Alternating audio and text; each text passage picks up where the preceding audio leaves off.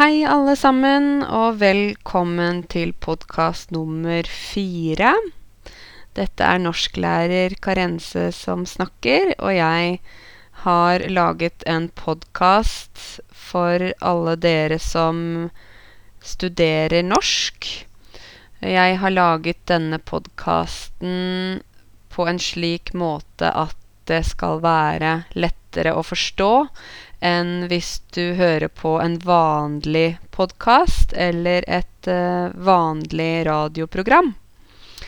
Og nå i denne podkasten så skal jeg snakke om litt forskjellige ting. Litt om nyheter og litt om hva jeg har gjort den siste uka. I forrige podkast snakket jeg om at jeg var på besøk i Bodø for å holde kurs for lærere der. Så det var veldig gøy og veldig hyggelig å bli kjent med forskjellige lærere som også jobber med norskkurs. Jeg kom tilbake til Oslo fredag kveld, og da kom jeg rett inn i helgen. Så da slapp jeg bare av. Det var deilig.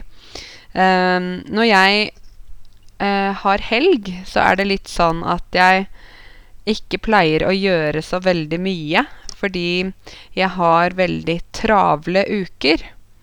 Travle uker betyr at jeg har mye å gjøre hver uke, slik at når helgen kommer, så er jeg ofte litt sliten og trenger å slappe av. Kanskje det er sånn for deg også. Når det er helg, så liker jeg ofte å gå på turer med hunden min. Da går vi på turer i skogen, eller vi går kanskje rundt i Oslo. For eksempel i går så tok jeg med hunden min til Oslo sentrum. Så parkerte jeg ved Frognerparken, og så gikk vi en tur ned hele Bogstadveien. Det er en shoppinggate i Oslo sentrum. Og så gikk jeg til slottet, der kongen og dronningen bor.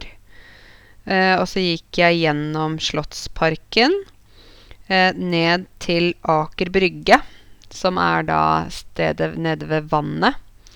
Og nede ved Aker Brygge så har de sånne matbiler, eller på engelsk sier man food truck. Og der kan du kjøpe forskjellig mat og spise maten ute.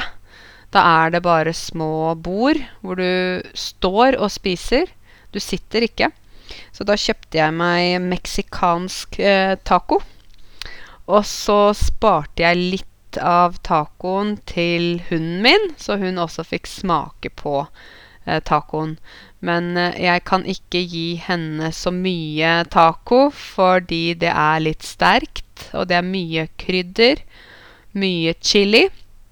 Så hun fikk bare smake litt, slik at hun ikke fikk vondt i magen etterpå. I Norge så er det jo ikke så vanlig å lage veldig sterk mat.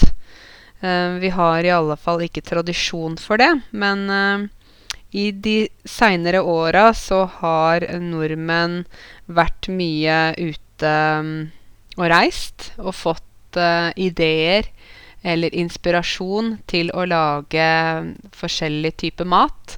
Så jeg tror at de fleste nordmenn har litt mer spennende mat nå enn hva vi hadde for 20 år siden. Jeg husker at da jeg vokste opp, så hadde vi veldig tradisjonell mat. Det var ofte kjøttkaker med poteter og brun saus. Det var fiskeboller med poteter og gulrøtter og hvit saus. Det var forskjellige salater. Det var supper. Tomatsuppe, blomkålsuppe, kanskje grønnsakssuppe. Og så hadde vi ofte pizza på lørdager. Litt sånn amerikansk pizza. Og noen ganger husker jeg at min mamma lagde gresk moussaka. En slags, ikke lasagne, men ja, noe, noe lignende. Noe som ligner. Men vi hadde ikke mat fra India, vi hadde ikke sushi, vi hadde ikke Tex-Mex-mat osv. Det har kommet de seinere åra. Fordi vi har reist mer, vi nordmenn, i de seinere åra. Jeg sier seinere fordi min dialekt der jeg kommer fra, der sier vi seinere. Men i Oslo, der jeg bor, sier de senere. Så seinere og senere betyr det samme, men det er bare forskjellige dialekter.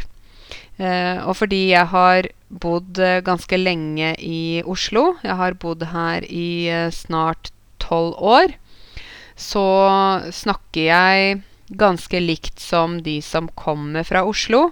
Men det er noen ord som jeg aldri kommer til å bytte ut. Det er f.eks. ord som helg.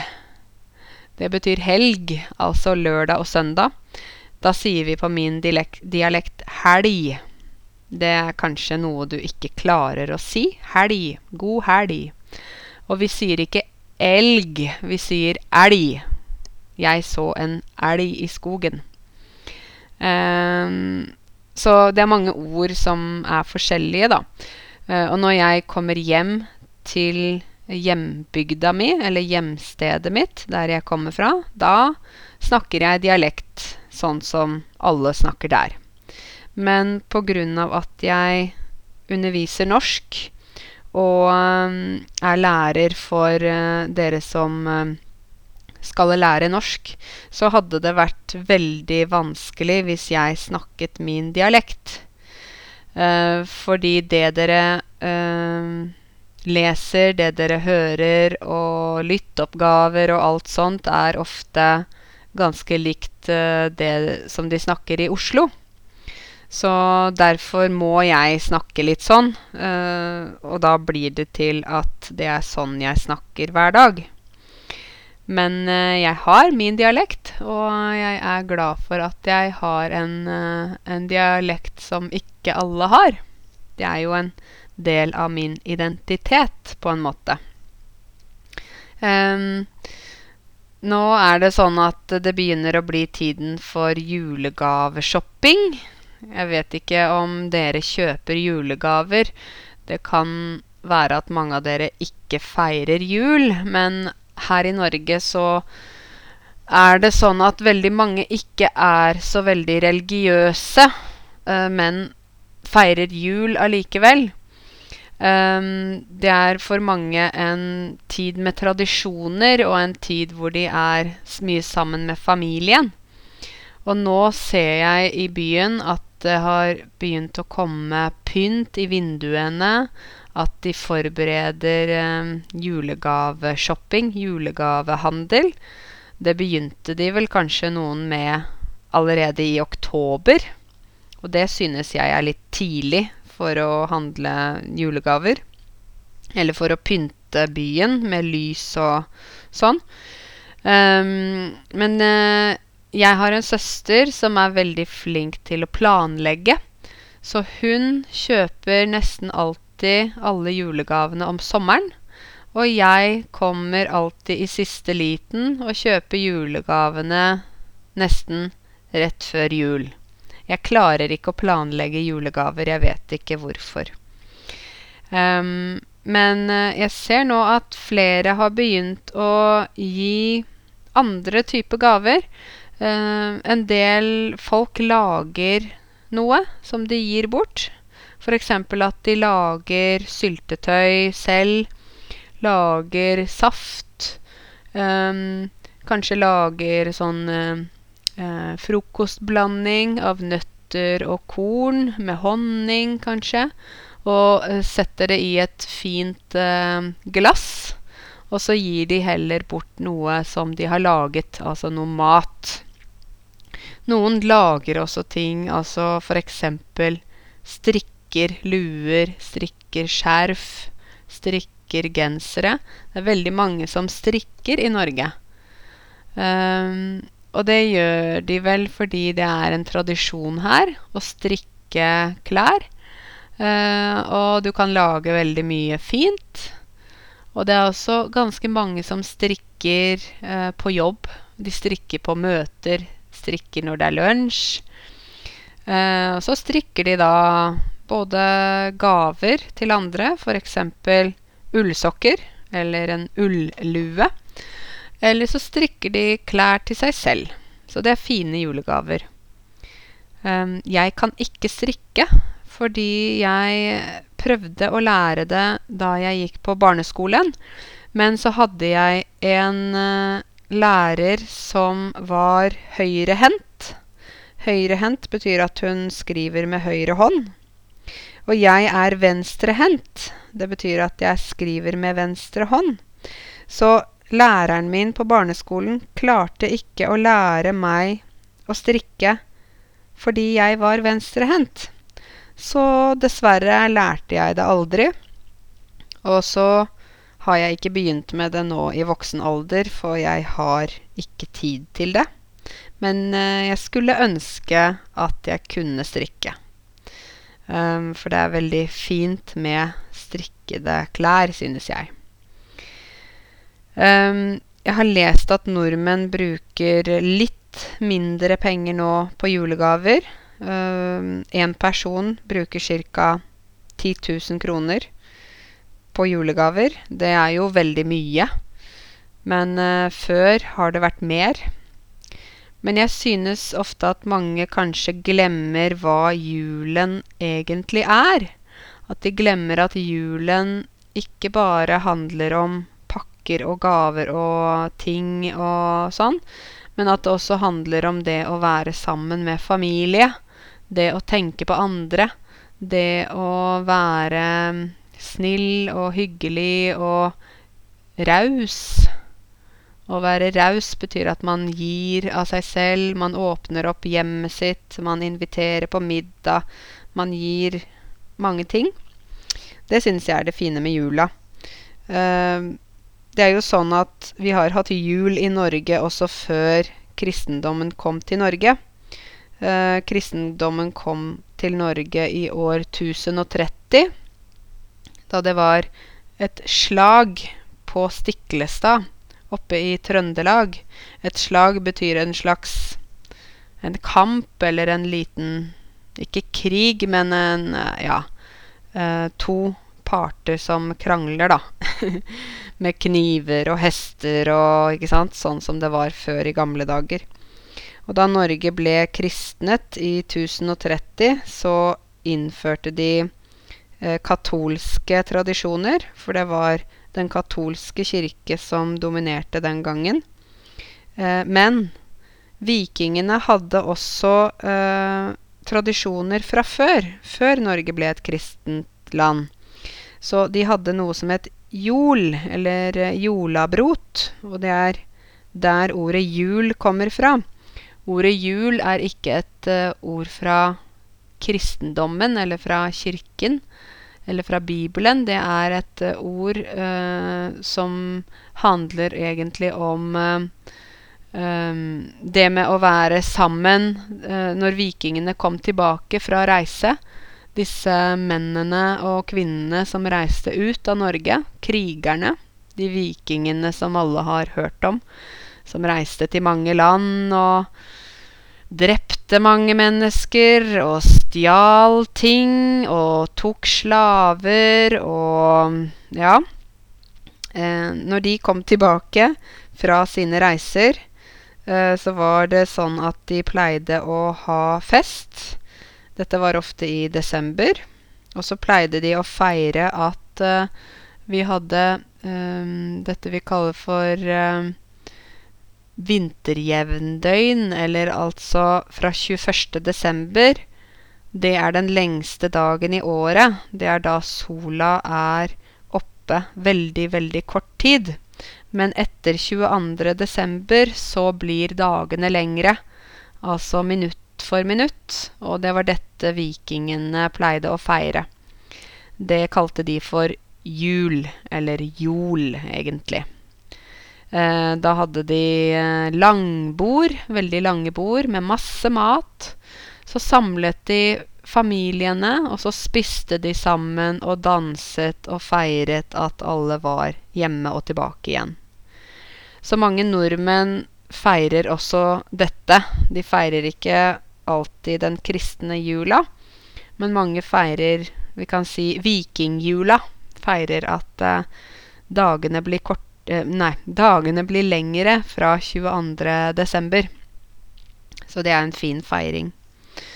Um, nå er det jo sånn at det er november. Det begynner å bli kaldere.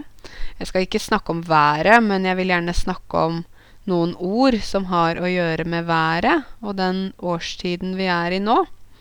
Uh, nå er det frost. Her i Oslo, der jeg bor, så er det frost på bakken. Det er frost ute.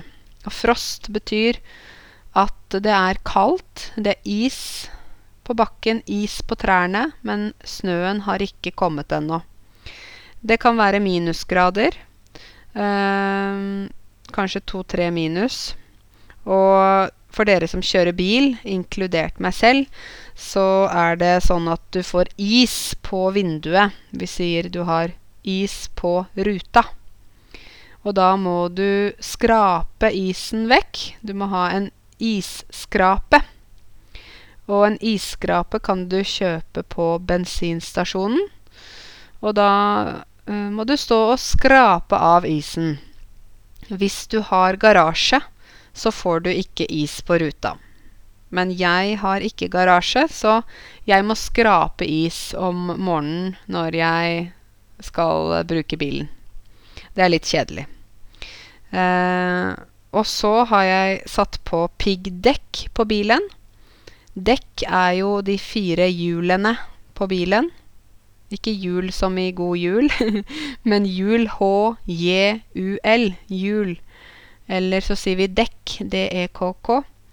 Vi har fire dekk på bilen, og vi må sette på pigger på dekkene, altså bytte dekk når frosten kommer, slik at vi ikke sklir ut av veibanen når vi kjører, for det kan være is på asfalten, og da er det veldig lett at man kjører ut eller krasjer i noen andre biler eller noe sånt.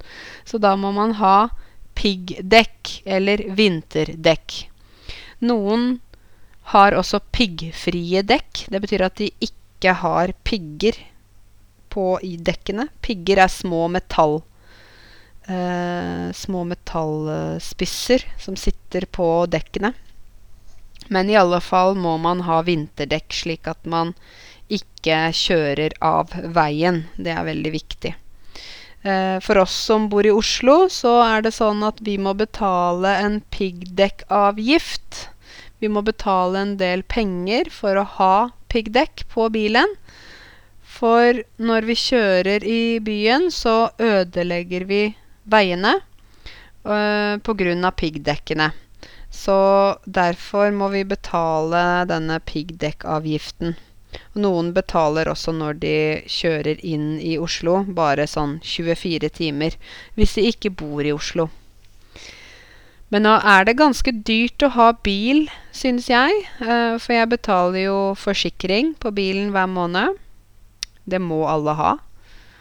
Og så betaler jeg årsavgift for å kjøre på veien. Det betaler jeg i mars eller april hvert år. Det er vel nesten 4000 kroner. Og så betaler jeg for diesel på bilen min. Og diesel er jo dyrt, eller drivstoff. Både bensin og diesel er dyrt i Norge. Men til dere som har bil, så er det billigere å fylle drivstoff, altså bensin eller diesel, etter klokka seks på søndager. Så etter klokka seks på søndag kveld da kan du dra til bensinstasjonen og fylle tanken, for da er ofte prisene lavere enn hva de er ellers i uka. Um, og så må jeg betale piggdekkavgift nå for å kjøre med piggdekk i byen. Og i tillegg så må vi betale bomringavgift, bompengeavgift, for å kjøre inn i sentrum. Og det er så dyrt nå. Jeg husker ikke om det er 59 kroner eller 49 kroner, men prisen har gått opp veldig mye. Så jeg eh, pleier å parkere bilen min på togstasjonen der jeg bor. Og så tar jeg heller toget til byen. For det er så veldig dyrt å kjøre inn i byen. I tillegg til at man må finne en parkering. Det er heller ikke lett. Og så må jeg betale for parkering. Og så, ja. Så derfor er det bedre å ta toget inn i eh, byen, syns jeg, da. Jeg vet ikke hvor mange av dere som har bil, eller hvor mange av dere som ønsker å ta førerkort, men eh, det er i alle fall dyrt å ha bil i Norge. Um, førerkortet koster jo også mye, så det er absolutt ikke billig.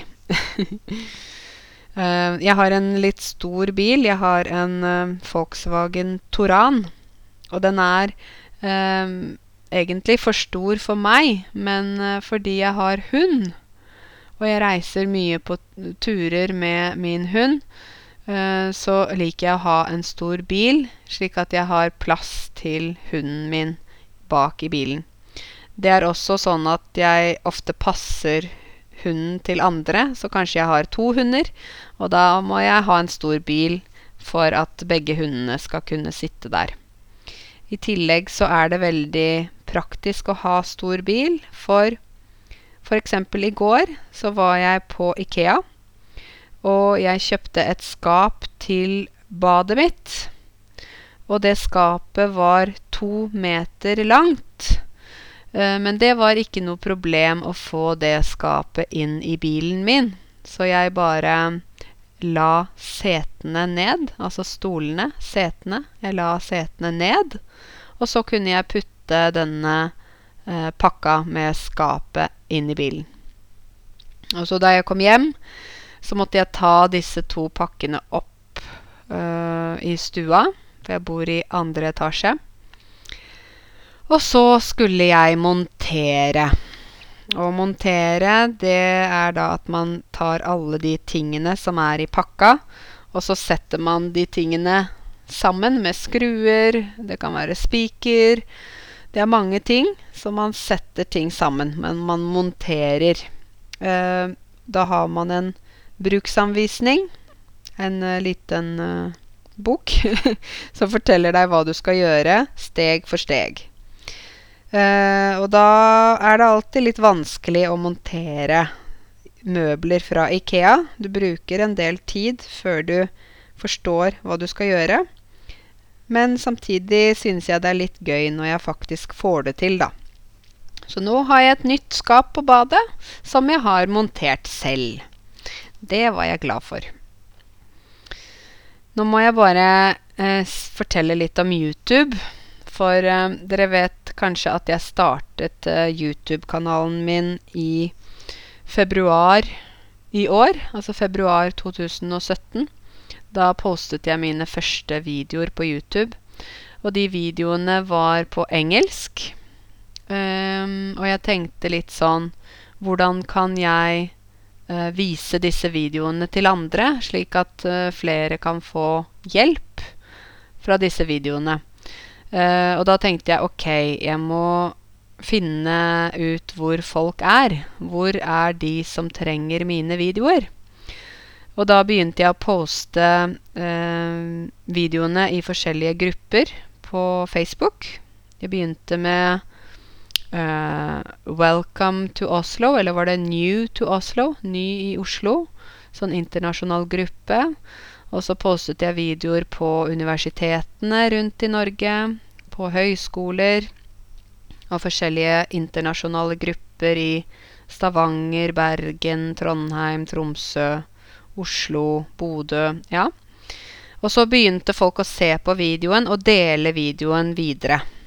Men så var det så mange som sa til meg at de ikke forstår engelsk, eller ikke er så flinke i engelsk, så de spurte om jeg kunne lage videoer på norsk. Og så tenkte jeg nei, jeg kan vel ikke lage videoer på norsk? Kanskje det er for vanskelig for mange? Men så begynte jeg da å lage videoer på norsk, og det ble veldig populært. Da puttet jeg også disse videoene i norskgrupper. Uh, jeg vet en stor norskgruppe på Facebook heter Ja, jeg snakker litt norsk. Så var det en annen gruppe som heter Vi må lære norsk. Og en annen gruppe heter Bedre i norsk. Og ja, det var mange grupper. Og da begynte folk å se på den, og da kunne alle forstå eh, hva jeg snakket om, eller fordi alle der studerte norsk. Så det var lettere for folk å klare å forstå hva jeg sa på videoene.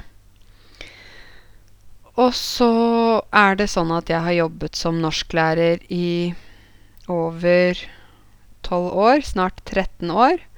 Og jeg har jobbet både på voksenopplæringssenteret, jeg har jobbet på privatskoler, jeg har jobbet med nettundervisning.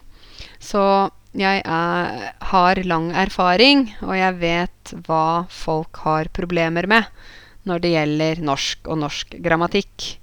Så egentlig så begynte jeg bare å lage videoer om uh, vanlige feil, vanlige problemer, vanlige misforståelser som folk har eh, norsk uttale, hvordan man uttaler ord på norsk, og så ble det bare mer og mer og mer.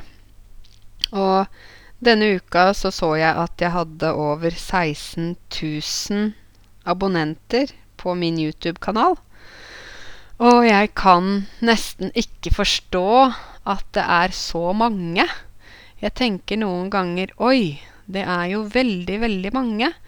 Eh, er det sånn at uh, folk går på norskkurs, og så eh, lærer de ikke bra norsk? Eller eh, ja, hva er grunnen til at det er så mange abonnenter?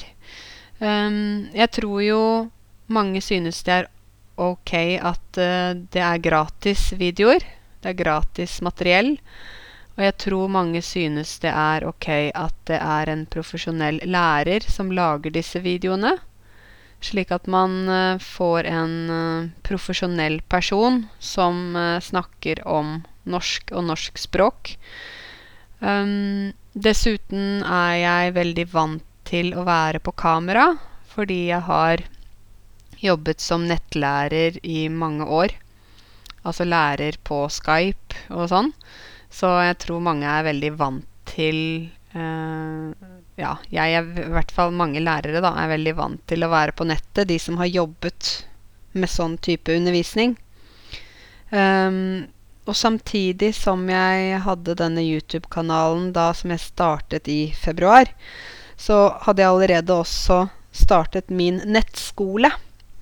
For jeg har jobbet som lærer på nettet, altså online uh, kurs, norskkurs, for mange forskjellige skoler i mange år.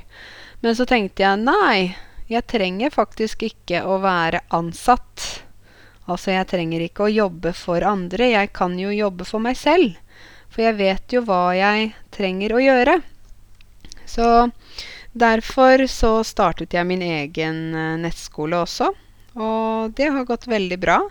Nå har jeg ganske mange studenter som tar norskkurs på nett. Og så har vi samtaletimer hvor vi ringer hverandre på en sånn plattform som jeg bruker. Da har vi video, og vi har eh, dokumenter og sånne ting. Så det er veldig gøy. Det er veldig gøy å, at jeg har min egen skole, da. Jeg er veldig glad for det. Um, og ettersom jeg nå har begynt å uh, reise litt rundt i Norge også for å undervise lærere, så tenker jeg at det blir veldig spennende å se hvor veien min går. Vi sier jo ofte at veien blir til mens man går. Altså, vi vet ikke hva som er vår vei, men vi lærer når vi lever. Når vi går på veien, så ser vi at veien kommer foran oss, men vi vet ikke helt hvilken vei vi skal gå. Men nå begynner jeg å se min vei hva jeg skal gjøre, og hva jeg skal jobbe med. Så over 16 000 mennesker som følger meg på YouTube, det er helt utrolig. Det er veldig morsomt og fantastisk, egentlig, å tenke på det. Jeg håper jo at mange også kan uh, høre på denne podkasten, um, som kan da være en hjelp. For det er jo også veldig bra å trene bare på lytte. Det med å lytte uten å se noe, uten å ha tekst. Bare med å høre på noe prøve å forstå. Jeg tenker at det er også en veldig god trening, da. Um, så det, det er uh, viktig. Nå er det jo sånn at norskprøvene kommer snart. Det er mange av dere som er nervøse for det. Det er i slutten av november og begynnelsen av desember, så um, det er jo alltid spennende. Uh, jeg håper jo at dere ikke stresser så mye med den prøven, fordi det er jo sånn at det språket vi har, det kan vi ikke Vi kan ikke bli veldig mye bedre på to-tre uker. Altså det nivået du er på nå, det er på en måte det samme nivået som du er på om en måned. Nesten, da. Kanskje du blir litt bedre. Men jeg ville, hvis jeg var deg, og du skulle ta norskprøve, så ville jeg vel prøvd å fokusere på um, dette med å studere norsk på en naturlig måte. Altså se på TV, prøve å snakke med nordmenn. Jeg vet at det er vanskelig, men ja. Um, kanskje um, høre på norsk musikk. Se litt på noen av YouTube-videoene mine prøve å skrive noen tekster. Prøve eksempeloppgaver til norskprøver som ligger på nettet. Høre på podkast. Det er mange ting du kan gjøre, da. Så jeg håper jo at dere som tar prøven, ikke stresser så mye at dere ikke sover om natta. Det er jo veldig viktig at man også slapper av, ikke sant? Jeg skal ta litt om nyheter til slutt. Eh, jeg synes alltid det er sånn at når man eh, ser på nyheter eller leser om nyheter, så er det alltid noe som er trist. Det er nesten aldri nyheter om noe som er bra. Og det er litt sånn kjedelig at det er sånn, da. Um, men jeg må nesten snakke litt om Sylvi Listhaug. For Sylvi Listhaug, det er vår innvandringsminister. Og hun uh, tilhører det politiske partiet Frp. Uh, hun er jo kjent for å være veldig streng, uh, altså strikt, med sin politikk. Hun har satt en stopper for flyktninger til å komme til Norge. Og hun sender nå tilbake en del, f.eks. folk fra Afghanistan, som hun bare sender tilbake. Og hun er veldig sånn streng. jeg personlig er ikke så veldig fan av henne. Altså det betyr at jeg ikke er så veldig uh, glad for hennes politikk. For jeg kjenner veldig mange som er flyktninger, og som har vært flyktninger. Og jeg vet hvor vanskelig det er eh, å komme til et nytt land når du kommer fra en vanskelig situasjon. Og da synes jeg det er eh, så trist når man skal prøve bare å sende folk tilbake. Um, for jeg tenker selv, da, hvordan ville jeg eh, hatt det hvis jeg måtte flykte selv fra Norge, og jeg kom til et land der de bare sa nei, vi vil ikke ha deg her, uh, bare reist tilbake. Da tror jeg at jeg hadde blitt veldig, veldig lei meg. Jeg tenker jo at det er vi mennesker som har laget land. Det er vi mennesker som har laget grenser mellom land. Det er vi som har bestemt at her er Norge, og her er Sverige. Og det er to forskjellige land. Det er jo ikke sånn i naturen. Naturen i skogen og sånn har jo ingen grenser. Men det er vi som har satt våre flagg og våre, laget våre grenser. Så jeg er nok litt sånn opptatt av det at vi skal være sammen, da. Uh, heller prøve å hjelpe hverandre og støtte hverandre istedenfor å tenke at du er fra det landet og jeg er fra det landet, og vi skal ikke ha kontakt. Jeg tenker at uh, vi er jo alle mennesker uansett. Og kanskje en dag så er det vi nordmenn som trenger hjelp. Og da lurer jeg på hva Sylvi Listhaug skal gjøre hvis Sylvi Listhaug, vår innvandringsminister, må flykte til et annet land fordi hun ikke kan være i Norge pga. en noe vanskelig situasjon. Hvordan hadde hun følt seg hvis hun bare ble avvist og hun bare ble sendt tilbake til Norge? Ikke sant? Hvis vi tenker på det sånn, på den situasjonen. Eh, jeg tror ikke Sylvi Listhaug hadde vært så veldig glad for å bli sendt tilbake til et land der det er vanskelig. Men fordi hun ikke føler på dette selv, fordi hun ikke er flyktning, fordi hun har uh, alt i orden. Hun har et rolig liv, og hun har familie, og hun bor i et land med demokrati og kvinners rettigheter og fred og velferdsstat og sånn, så trenger hun ikke å tenke på det. Så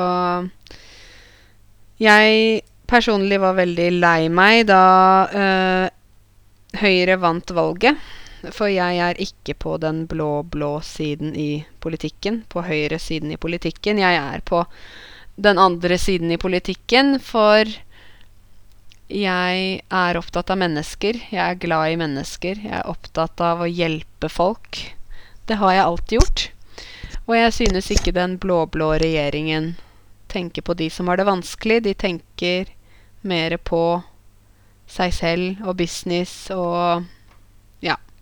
Så det er ikke sånn veldig humant, da, det partiet. De partiene. Uh, jeg vil snakke litt om metoo-kampanjen. Metoo-kampanjen det er jo en sånn kampanje som har gått på sosiale um, uh, nettverkssider, um, altså på Facebook og Instagram og sånn. Metoo er jo en kampanje mot seksuell trakassering. Altså hvor uh, menn eller kvinner har følt seg seksuelt trakassert av andre. Uh, og hvor det begynte jo med Harvey Weinstein, som er en veldig kjent filmprodusent fra Hollywood, som har egentlig misbrukt makten sin mot kvinner i veldig mange år. Og på en måte gjort ting med kvinner, eller sagt ting til kvinner som ikke er uh, fint. Han har uh, trakassert kvinner seksuelt og ikke hatt respekt for dem. Så da mange kvinner begynte å fortelle om hvilke erfaringer de hadde med Harvey Weinstein, så var det også mange andre kvinner rundt om i verden som begynte å si at ja, jeg har også blitt seksuelt trakassert. Uh, så jeg tenker det er bra at man får fokus på noe sånt, fordi det er jo noe som skjer med mange hvert år, hver dag.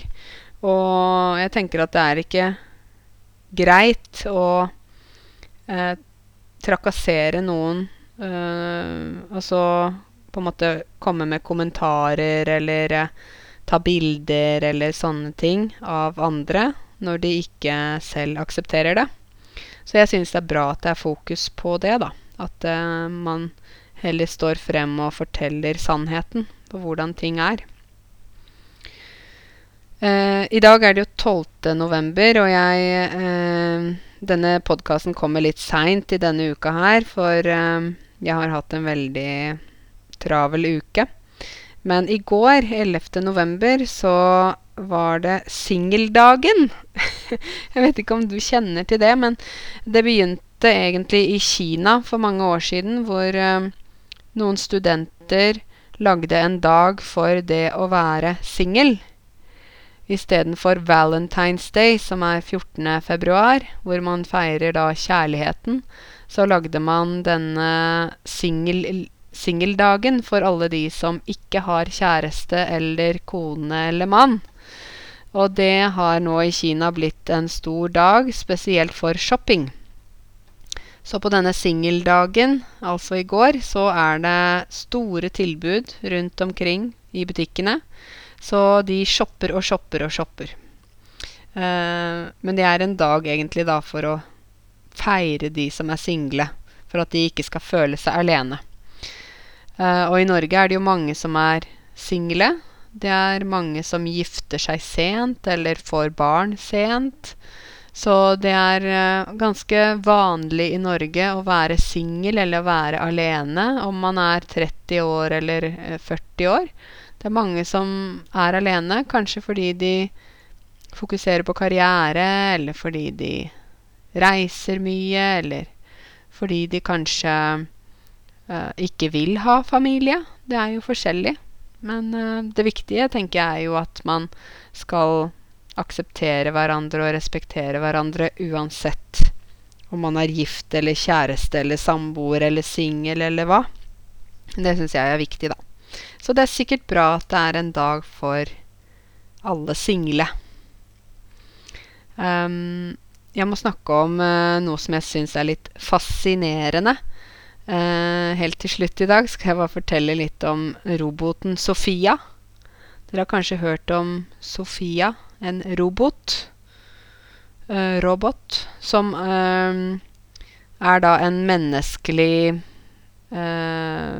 robot som er laget for å jeg vet ikke helt om det er for å hjelpe eller for å utdanne noe, eller hvorfor den, de har laget denne roboten, men eh, hvis du har sett roboten Sofia, så har du sikkert sett at hun ligner veldig på et menneske.